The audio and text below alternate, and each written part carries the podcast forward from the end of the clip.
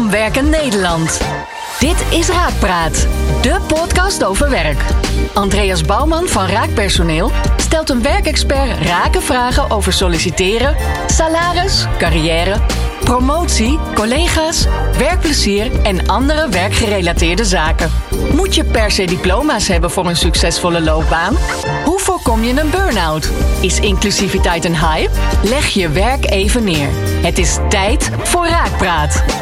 Hallo, vandaag spreek ik met Chantal Huinder, directeur bij Doorzaam. Doorzaam staat voor duurzame inzetbaarheid. En voordat je als luisteraar nu gillend wegrent, we gaan het jargon echt vermijden in het gesprek, dat beloof ik. Duurzame inzetbaarheid is een fascinerend onderwerp. Maar voordat we hierop inzoomen, wil ik eerst iets meer over Chantal te weten komen. Chantal, van harte welkom. Ja, leuk dat ik ben uitgenodigd. Ja, leuk dat je gekomen bent uh, met de trein als eerste van de, nou, uh, toch wel uh, 30 gasten die ik al gehad heb. Goed hoor. Ah, dankjewel. Ja, dat, uh, dat is iets wat ik graag doe, maar vaak als verwazend wordt gezien. Ja, dat is toch wel een beetje gek. In het heeft ook te maken met het onderwerp duurzaamheid eigenlijk. Geen duurzame inzetbaarheid, maar wel duurzaamheid. Ja, klopt. Ja. Hey, de vraag die ik uh, in het begin altijd stel is: wat wilde jij vroeger worden? Nou ja, toen jij misschien nog op de basisschool zat, middelbare school. Ja, dat is een interessante. Uh, ik hoorde het inderdaad in de andere podcast, dus ik heb er even over na kunnen denken. Oh, maar, uh, je gaat niks verzinnen, hè? Nee hoor, zeker niet, zeker niet. Nee, uh, nou eigenlijk altijd wel heel breed, maar wel in de dienstverlening. Dus ik vond het altijd leuk om winkel te spelen of kantoor. Ja. Of reisbureau. Dat was toen in die tijd ook nog, bestond dat nog grootschalig. Ze komen weer een beetje terug Ja, soms. ik zag het ja. wel inderdaad. Ja. Nee, en dat vond ik altijd wel heel erg leuk. Of het zelf opzetten. Ik heb ook nog een een, een blad uitgebracht wat ik dan voor 50 cent verkocht. Maar goed, dat waren twee issues. Oké, okay. je bent er niet rijk van geworden. Zeker niet. Nee. nee. Had je in je omgeving ook voorbeelden van bijvoorbeeld mensen die uh, leiding gaven aan een onderneming of aan een instelling? Want ja, nu ben je directeur van Doorzaam. Had je dat in jouw uh, jeugd ook als, als voorbeeld in je omgeving? Dacht je van nou, die leidt die club. Dat, uh, dat lijkt me ook wel wat. Nou, niet per se uh, op die manier. Maar ik vond het wel heel interessant van nou, hoe kun je nou mensen meekrijgen, verhaal vertellen, iets verkopen. Wel detailhandel zat wel in, in de familie. Mijn moeder werkte in de winkel en mijn vader werkte, deed de reclame, ja, communicatie voor een grote supermarktketen. Oké, okay, ja. Dus dat zat wel, de, de retail zat er zeg maar wel in en de dienstverlening. Ja, en er zit ook een stukje storytelling, marketing, uh, ondernemen. Ja, dat heb ik wel altijd fascinerend gevonden. Ja, snap ik. Want dat doen jullie ook goed uh, nu bij Doorzaam. Wat mij ook even opviel toen ik jouw LinkedIn stiekem bestudeerde, was dat je twee keer, uh, nou je hebt van alles gestudeerd, maar dat je twee keer in Amerika bent geweest. Volgens mij ook tijdens je studie. Ja. Illinois en Miami. Ja, dat klopt inderdaad. Ja, ja ik had het, uh, het geluk dat ik met mijn ouders een paar keer naar Amerika op vakantie uh, ben geweest toen ik wat jonger was. En dat uh, vond ik echt een fascinerend uh, land. Uh, heel erg gedreven. Nou, veel mogelijkheden. Ja. En ik weet niet meer hoe, maar ik hoorde van inderdaad een jaar high school. Dat leek mij heel erg mooi. En mijn ouders hebben de, ja, mij de kans geboden om dat te gaan doen. En dat was echt heel erg leuk. Dus toen heb ik bij een gastgezin in huis gewoond. Moest je ergens aan voldoen om te, te, daar naartoe te gaan? Of deed jullie school daar iets mee of zo? Nee, het was inderdaad nou, wel op eigen initiatief. Dus je moest dat wel bekostigen. En dan kon je daar een jaar mee, eigenlijk meelopen op, op een high school.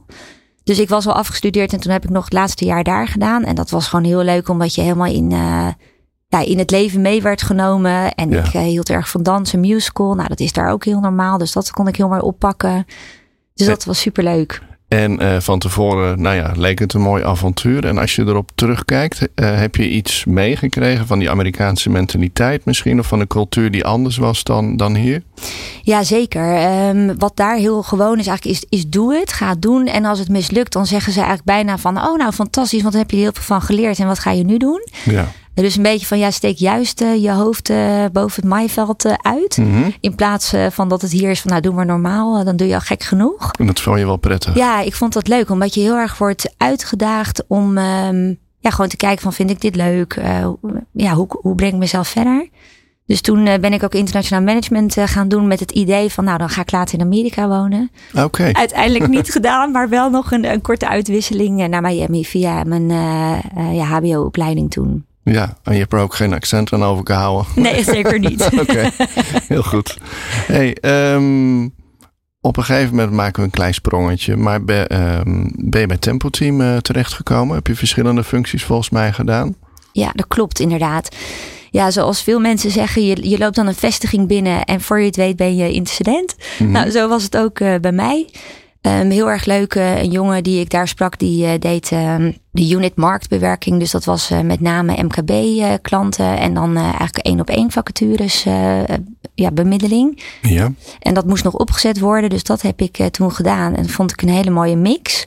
Maar was dat een soort van allround intercedent? Of, ja? ja, eigenlijk inderdaad een allround intercedent. Ja, dus je moest je eigen klanten zoeken, eigen vacatures en dus eigenlijk ook je eigen kandidaten. Precies, het hele proces met kandidaten en met klanten. Ja, dat klopt. Ja, en dat vond ik ook zelf heel erg leuk, omdat je dan uh, ja, de businesskant hebt en de menskant. Noem ik dat dan toch maar? Ja, precies. Ja. nou ja, aan de businesskant zit natuurlijk. Er zitten ook mensen. Ook een ja, soort daarom. mensen. Ja. Ja. ja, maar ik snap wat je bedoelt. Ja. ja. En um, was er in die tijd, ik weet uh, niet uit mijn hoofd welke tijd we het nu hebben, maar uh, was er toen ook al aandacht voor een leven lang leren of uh, een duurzame inzetbaarheid van de uitzendkracht? Ja, ik denk het wel, alhoewel ik wel eerlijk moet toegeven dat ik daar zelf toch ook niet mee bezig was. Dus ik was wel heel erg bezig met uh, het gesprek met de kandidaat. Kijken wat kan iemand, wat wil die. En Mhm. dan bemiddelen. Dat, dat past ook heel erg bij uh, ja, de units die ik deed. Ja, Dus wel um, vanuit die optiek. Maar eigenlijk niet met opleiden, want ik ben daarna ook uh, inderdaad verder gegaan op het hoofdkantoor als uh, coördinator of, of uh, ja, adviseur opleidingen en ontwikkeling van Flex. Mhm. En toen vroegen ze ook aan mij, heb je daar ervaring mee? Toen zei ik, nee, nou niet op dat uh, aspect. Ik zeg maar, de inhoud ja. kan ik wel leren. En, uh, maar de term bestond toen al wel? Duurzame inzetbaarheid aan zich ook nog niet, nee. Nee, dat is volgens mij iets van uh, ja, recenter. Van, ik weet niet van wanneer, maar... Ja, klopt. Hey, nou we toch stiekem die term hebben ge, gemunt gezegd. Kun je dat een beetje uitleggen? Wat is duurzame inzetbaarheid? Want iedereen heeft er denk ik wel een beeld bij, maar jij kan het waarschijnlijk beter uitleggen. Ja, klopt. Ik moest er lachen in jouw intro ook. Het is eigenlijk een verschrikkelijke term. En toch weten we ook nog niet uh, een, een, term die, die kort is en uh, de lading dekt. Uh, maar wij als Doorzaam zeggen hem zelf als vitaal, veilig en vaardig aan ja. het werk zijn. Dus eigenlijk het hele aspect van ja, gezondheid, kunnen doorgroeien, weten wat je kan. Klinkt je wel wil. goed in ieder geval ook om te onthouden in je hoofd. Als je het hebt over storytelling. Vitaal, veilig. En vaardig. En vaardig, ja. ja. Ja, en dan snap je ook meteen, nou ja, waar jullie voor staan. Veilig, wat, wat, wat versta je daaronder? Ja, veilig heeft heel erg te maken met de arbeidsomstandigheden. Dus echt letterlijk, hoe kan iemand veilig aan het werk zijn? Welke beschermingsmiddelen heeft hij nodig? Waar ligt de verantwoordelijkheid? Maar ook ben je gezond uh, uh, aan het werk, mentale gezondheid, financiële gezondheid. Ja, dus een heel breed palet eigenlijk. Ja, en dat hoort natuurlijk ja. eigenlijk dan weer bij, uh, bij Vitaal. Ja. Maar veilig gaat echt om de arbeidsomstandigheden. En, en krijgt een uitzendkracht dezelfde beschermingsmiddelen als vaste medewerkers. Nou, hoe is dat geregeld? Ja, en welke rol speelt Doorzaam in, uh, nou ja, in uh, laten we het het spel noemen van opdrachtgever, uitzendbureau, ABU. En waar staan jullie dan in, in het geheel? Ja, wij zijn officieel het opleidings- en ontwikkelingsfonds van de uitzendbranche. Ja. Zij, wij zijn voor alle werkgevers uh, binnen de uitzendbranche en de uitzendkrachten. En wij proberen nou ja, die uitzendkracht vitaal, veilig en vaardig aan het werk te hebben. En ook in de toekomst. Dus ook als ze niet meer via de uitzendbranche werken of in een andere functie doorgroeien. En Ja. dat doen we heel erg in samenwerking met de uitzendorganisaties. Um, dus zowel ABU's en BBU-leden als ook ongeorganiseerde leden. Uh, maar ook uh, met andere stakeholders. En we nodigen heel erg uit om die opdrachtgever er ook bij te betrekken. Ja, dat vind je ook belangrijk. Ongelooflijk, ja. Omdat da dat toch is waar die uitzendkracht aan het werk is. Um, dus die heeft ook een, een, hele grote rol. Met name rondom veiligheid, maar ook rondom cultuur. Ja, maar jullie primaire doelgroep is natuurlijk de uitzendkracht. En die uh, bereik je door middel van de uitzendbureaus. Maar misschien ook nog wel rechtstreeks. Ja, klopt. Ja, we kijken, uh, zijn ook aan het onderzoeken van nou, hoe komen we nou rechtstreeks bij de uitzendkracht. Uh, we doen ook wel uh, initiatieven met vakbonden. Um, nou, ook op um, nou, social media een klein beetje. Daar, daar zijn mm -hmm. we naar aan het kijken. Ook op onze website is wel een pagina. Maar het, het gros van de uitzendkrachten bereiken we toch via de uitzendorganisaties op het moment. Qua duurzame inzetbaarheid uh, nou ja, doen wij ook best veel. Hè. We hebben bij Raakpersoneel hebben een afdeling Raaktalent. We proberen die verhalen van mensen ook echt naar voren te brengen. Storytelling. Ja, die verhalen die, die raken en die onthoud ik ook altijd. We hebben heel veel Oekraïnse vluchtelingen afgelopen jaar geholpen. Uh, en dan is het uh, bijvoorbeeld ja, iemand die daar schoonheidsspecialist is, die hier timmervrouw wordt en deuren in elkaar zet. Ja, dat soort verhalen die blijven mij echt wel bij. Dat onderwerp storytelling en die verhalen ja, voelbaar maken, is dat ook iets waar, waar jullie een rol willen of kunnen spelen? Ja, zeker. Ja, we zijn daar we zijn een paar jaar geleden ook mee begonnen met een aantal video's en ook uh, verhalen om uit te nodigen van nou deel juist je verhaal als uitzendkracht, omdat dat nog veel sterker is. Om andere uitzendkrachten ook ja, te laten inzien wat, wat het betekent. Of wat het dat trouwens, oh, sorry dat ik je in de ja, reden val, maar met, met de ABU samen, want ik weet dat zij dat ook deden met de waarde van werk, volgens mij heette dat uh, die ja, campagne.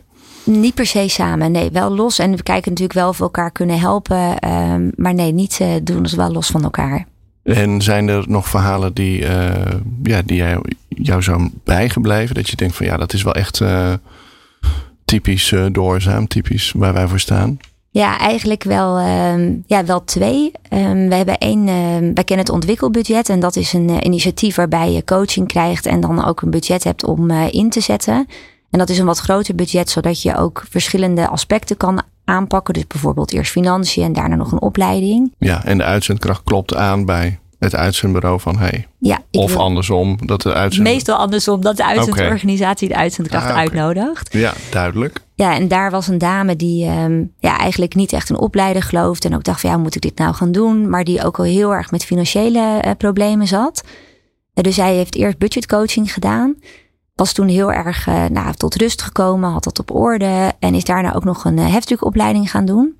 Nou, wat later kregen we daar een verhaal over dat ze zo ontzettend blij was en dat de wasmachine ook kapot was gegaan, maar dat ze daar geen stress van had, want ze had een buffertje opgebouwd. Wauw, ja. Kon dat direct betalen en ze had ook weer werk door de heftruckopleiding. Ja, dat precies. Een, uh, en ja. jij zei in het begin van ja, zij geloofde niet echt in opleiden, maar misschien had ze wel zoveel stress dat, dat ze in de hoofd er niet aan toe kwam om te denken van hé, hey, misschien is het verstandig om naar de lange termijn te kijken in mijn leven. Ja, dat um, zeker ook. En ook uh, soms geloven ze niet in uh, hun eigen capaciteit. Dus dat ze denken van nou, ik, ik kan dat halen. Maar dat kan natuurlijk ook vertroebeld worden door de stress die je dan hebt uh, rondom een ander onderwerp, zoals financiën. Ja, en wat is het tweede voorbeeld wat je. Ja, het tweede voorbeeld is ook heel mooi. Dat heb ik vanuit mijn collega dan wel meegekregen. op Office, dat was een dame die belde ons rechtstreeks in uitzendkracht. En die wilde heel graag chauffeur worden. En nou ja, wij hebben ook het kansberoepbudget. Uh, dat heeft zij toen uh, gekregen om um, chauffeuropleiding te doen. toen belde ze ons dat ze helaas was gezakt op een heel moeilijk onderdeel. Dat werd ook erkend. Dat was iets van achteruit inparkeren. Nou, echt heel lastig. En ze zei, ja. oh ja, nu heb ik het toch allemaal voor niks. En ik kan het echt niet zelf betalen. Toen zeiden we van, nou, we betalen dat herexamen daarop ook. Want anders nou, blijft ze net met niks achter. En de eerste keer was ze al, uh, begon ze echt te huilen aan de telefoon. Dat ze zei, nou dat kan toch niet dat ik dit aangeboden krijg. En, en moet ik dit dan betalen? Dus toen zeiden we, nee, dat, nou, dat is ons fonds, kan dat betalen. En toen was ze nog dubbel ontroerd dat ze het uh, uh, ja, nog ook mocht overdoen, dat examen. Ze heeft het gehaald en ze belde op en ook weer helemaal met in tranen. En ze zei, nou dit is echt fantastisch. Ik kan niet geloven dat dit bestaat. Ja, dat soort verhalen zijn natuurlijk wel uh, kers op de taart. Dat je denkt, ja, daar doe je het voor. Ja, precies. Ik denk dat het heel veel voldoening geeft voor jou en, ja. en, en iedereen die. Ja, en het hele team. Ja, klopt. Um, waar ik ook meteen aan moet denken, als ik dat dan zo hoor, denk van. Ja, een, een deel van het probleem is dat ze geen. dat die mensen eh, geen opleiding hebben. Of in ieder geval, eh, ze hebben wel een opleiding, maar niet de opleiding die ze willen hebben om uh, van waarde te zijn voor de arbeidsmarkt van morgen, om het even netjes te zeggen.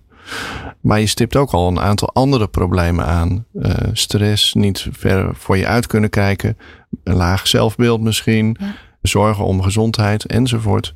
Ja, je kunt niet alle problemen oplossen. Hoe zie jij dat? Nou, dat klopt. Het is ook inderdaad een, uh, een ja, ik wil bijna zeggen taai onderwerp, in ieder geval een veelzijdig uh, onderwerp. Uh, wat wij als allerbelangrijkste zien is het gesprek met je uitzendkracht aangaan. Dus weet uh, wie je aan het werk hebt, wat diegene drijft. Um, dat zorgt ook voor vertrouwen. Waardoor je daarna ook, de, ja, ik noem dat toch de basis uh, ja, de basis van een persoon. Dus inderdaad gezondheid op orde, financiën op orde.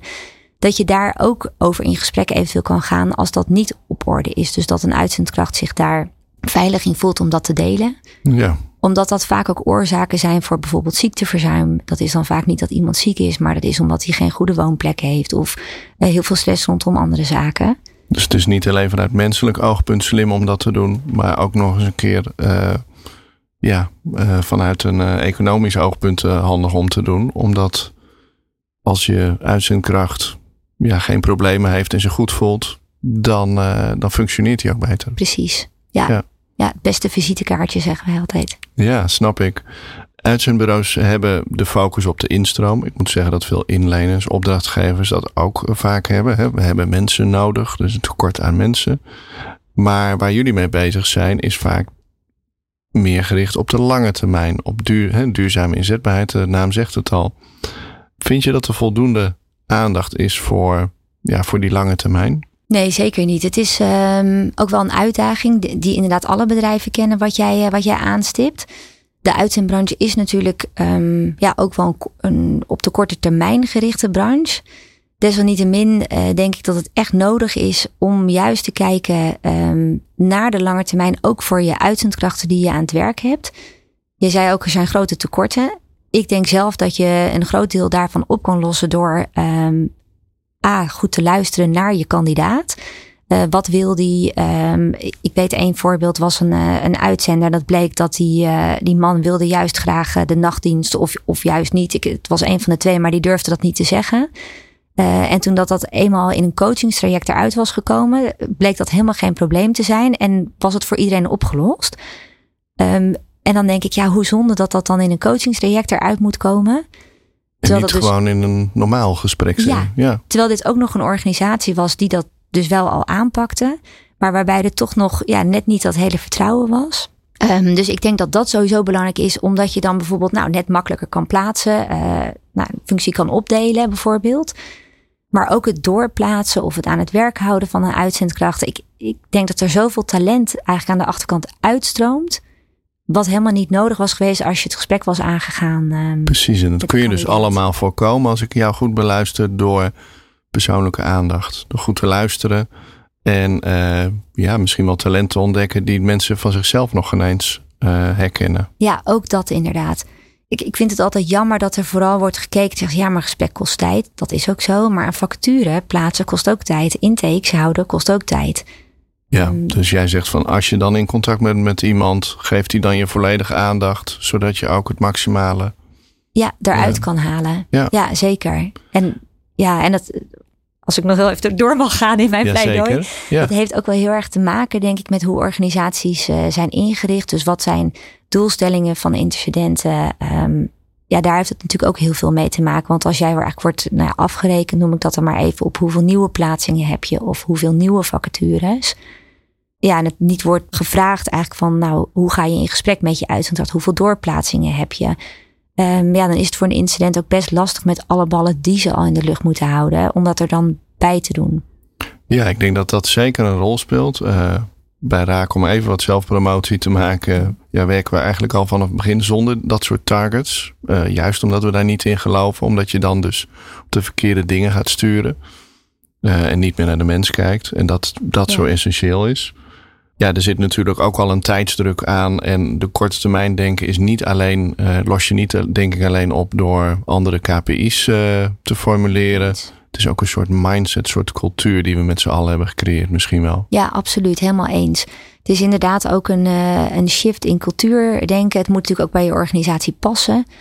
Het moet natuurlijk ook bij de um, vacatures passen. Dus ik zeg ook niet dat je meteen vanaf het begin met iedereen een heel goed gesprek moet hebben. Je hebt natuurlijk ook echt nog piek en ziek of een hele korte klus. Maar je kunt ook wat later het gesprek aangaan. Um, maar je moet dat ook willen inderdaad. En ook omarmen als organisatie. Ja, en we hebben het nu over het belang van, uh, van de uitzendkracht de hele tijd. En voor de uitzendbureaus. Want in het vorige gesprek noemde je het even. Maar volgens mij uh, zie jij ook als we het hebben over de, de toekomst van uitzendbureaus, twee wegen die, die uitzendbureaus kunnen opgaan. Ja, dat klopt. We hadden het inderdaad even over. En ik denk dat het um, enerzijds voor de, de klus waarbij het eigenlijk heel onderbiedig zegt, eigenlijk niet zo heel erg veel uitmaakt wie de persoon zelf is, maar meer om vaardigheden gaat of of je de klus kon doen. Dan gaat het heel erg richting de platformkant. En daar kan je natuurlijk als uitzender ook in faciliteren. En de andere kant is echt het goede gesprek aangaan. Echt uh, ja, meer die werkgeversrol oppakken. Uh, wat jij zei, echt die cultuur ook vanuit je organisatie. Dat je uh, meer wil meebrengen naar die kandidaat toe. Wil ontwikkelen, eh, die stip op de horizon wil plaatsen. Maar ook voor je opdrachtgevers eigenlijk een, ja, een HR-partner kunt zijn. Ja, precies. Nou ja, die laatste rol die is ons denk ik op het lijf geschreven. Um, je ziet ook uh, dat uh, organisaties die dat doen ook op het moment heel succesvol zijn. Je ziet dat de kandidaten langer werken, dat ze ook meer geplaatst krijgen, ook lastigere vacatures vervuld krijgen, omdat ze eigenlijk het, ehm, ja, het lef wil ik bijna zeggen, of de durf hebben om het wel te doen. Om te zeggen van ja, we zien misschien wat later ja, plukken we de vruchten ervan. Ja, je moet, het is, heeft inderdaad ook een puur financieel iets. Je moet wel eerst investeren voordat je dan uh, investeren voor de winst uit als je voor dat verdienmodel gaat. Het is geen snelle klappen maken, zeg nee, maar. Precies, ik zit hier hevig te knikken, maar dat ziet natuurlijk niemand. maar uh, ja. ja. dat klopt. Daar heb je helemaal gelijk in. En ja, ik denk dat dat uh, altijd loont, maar dat je inderdaad soms wat langer geduld moet hebben. En die korte klappen, durf je daar ook een voorspelling voor te doen? Denk je dat dat uh, ja, gaat uitsterven? Of, of gaan ze toch weer een manier vinden om nou ja, een nieuwe kapstok om, om dat aan op te hangen, zodat dat verdienmodel ook door kan blijven gaan? Of denk je dat dat een eindig model is? Um, ik vind het nog wel wat lastig om te zeggen. Maar ik persoonlijk denk ik dat het een wat eindig model is.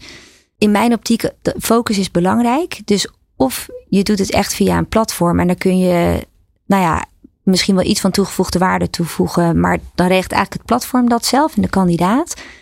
Um, of je hebt echt de focus op de kandidaat zelf en op dat persoonlijke contact en op dat werkgeverschap. Ja.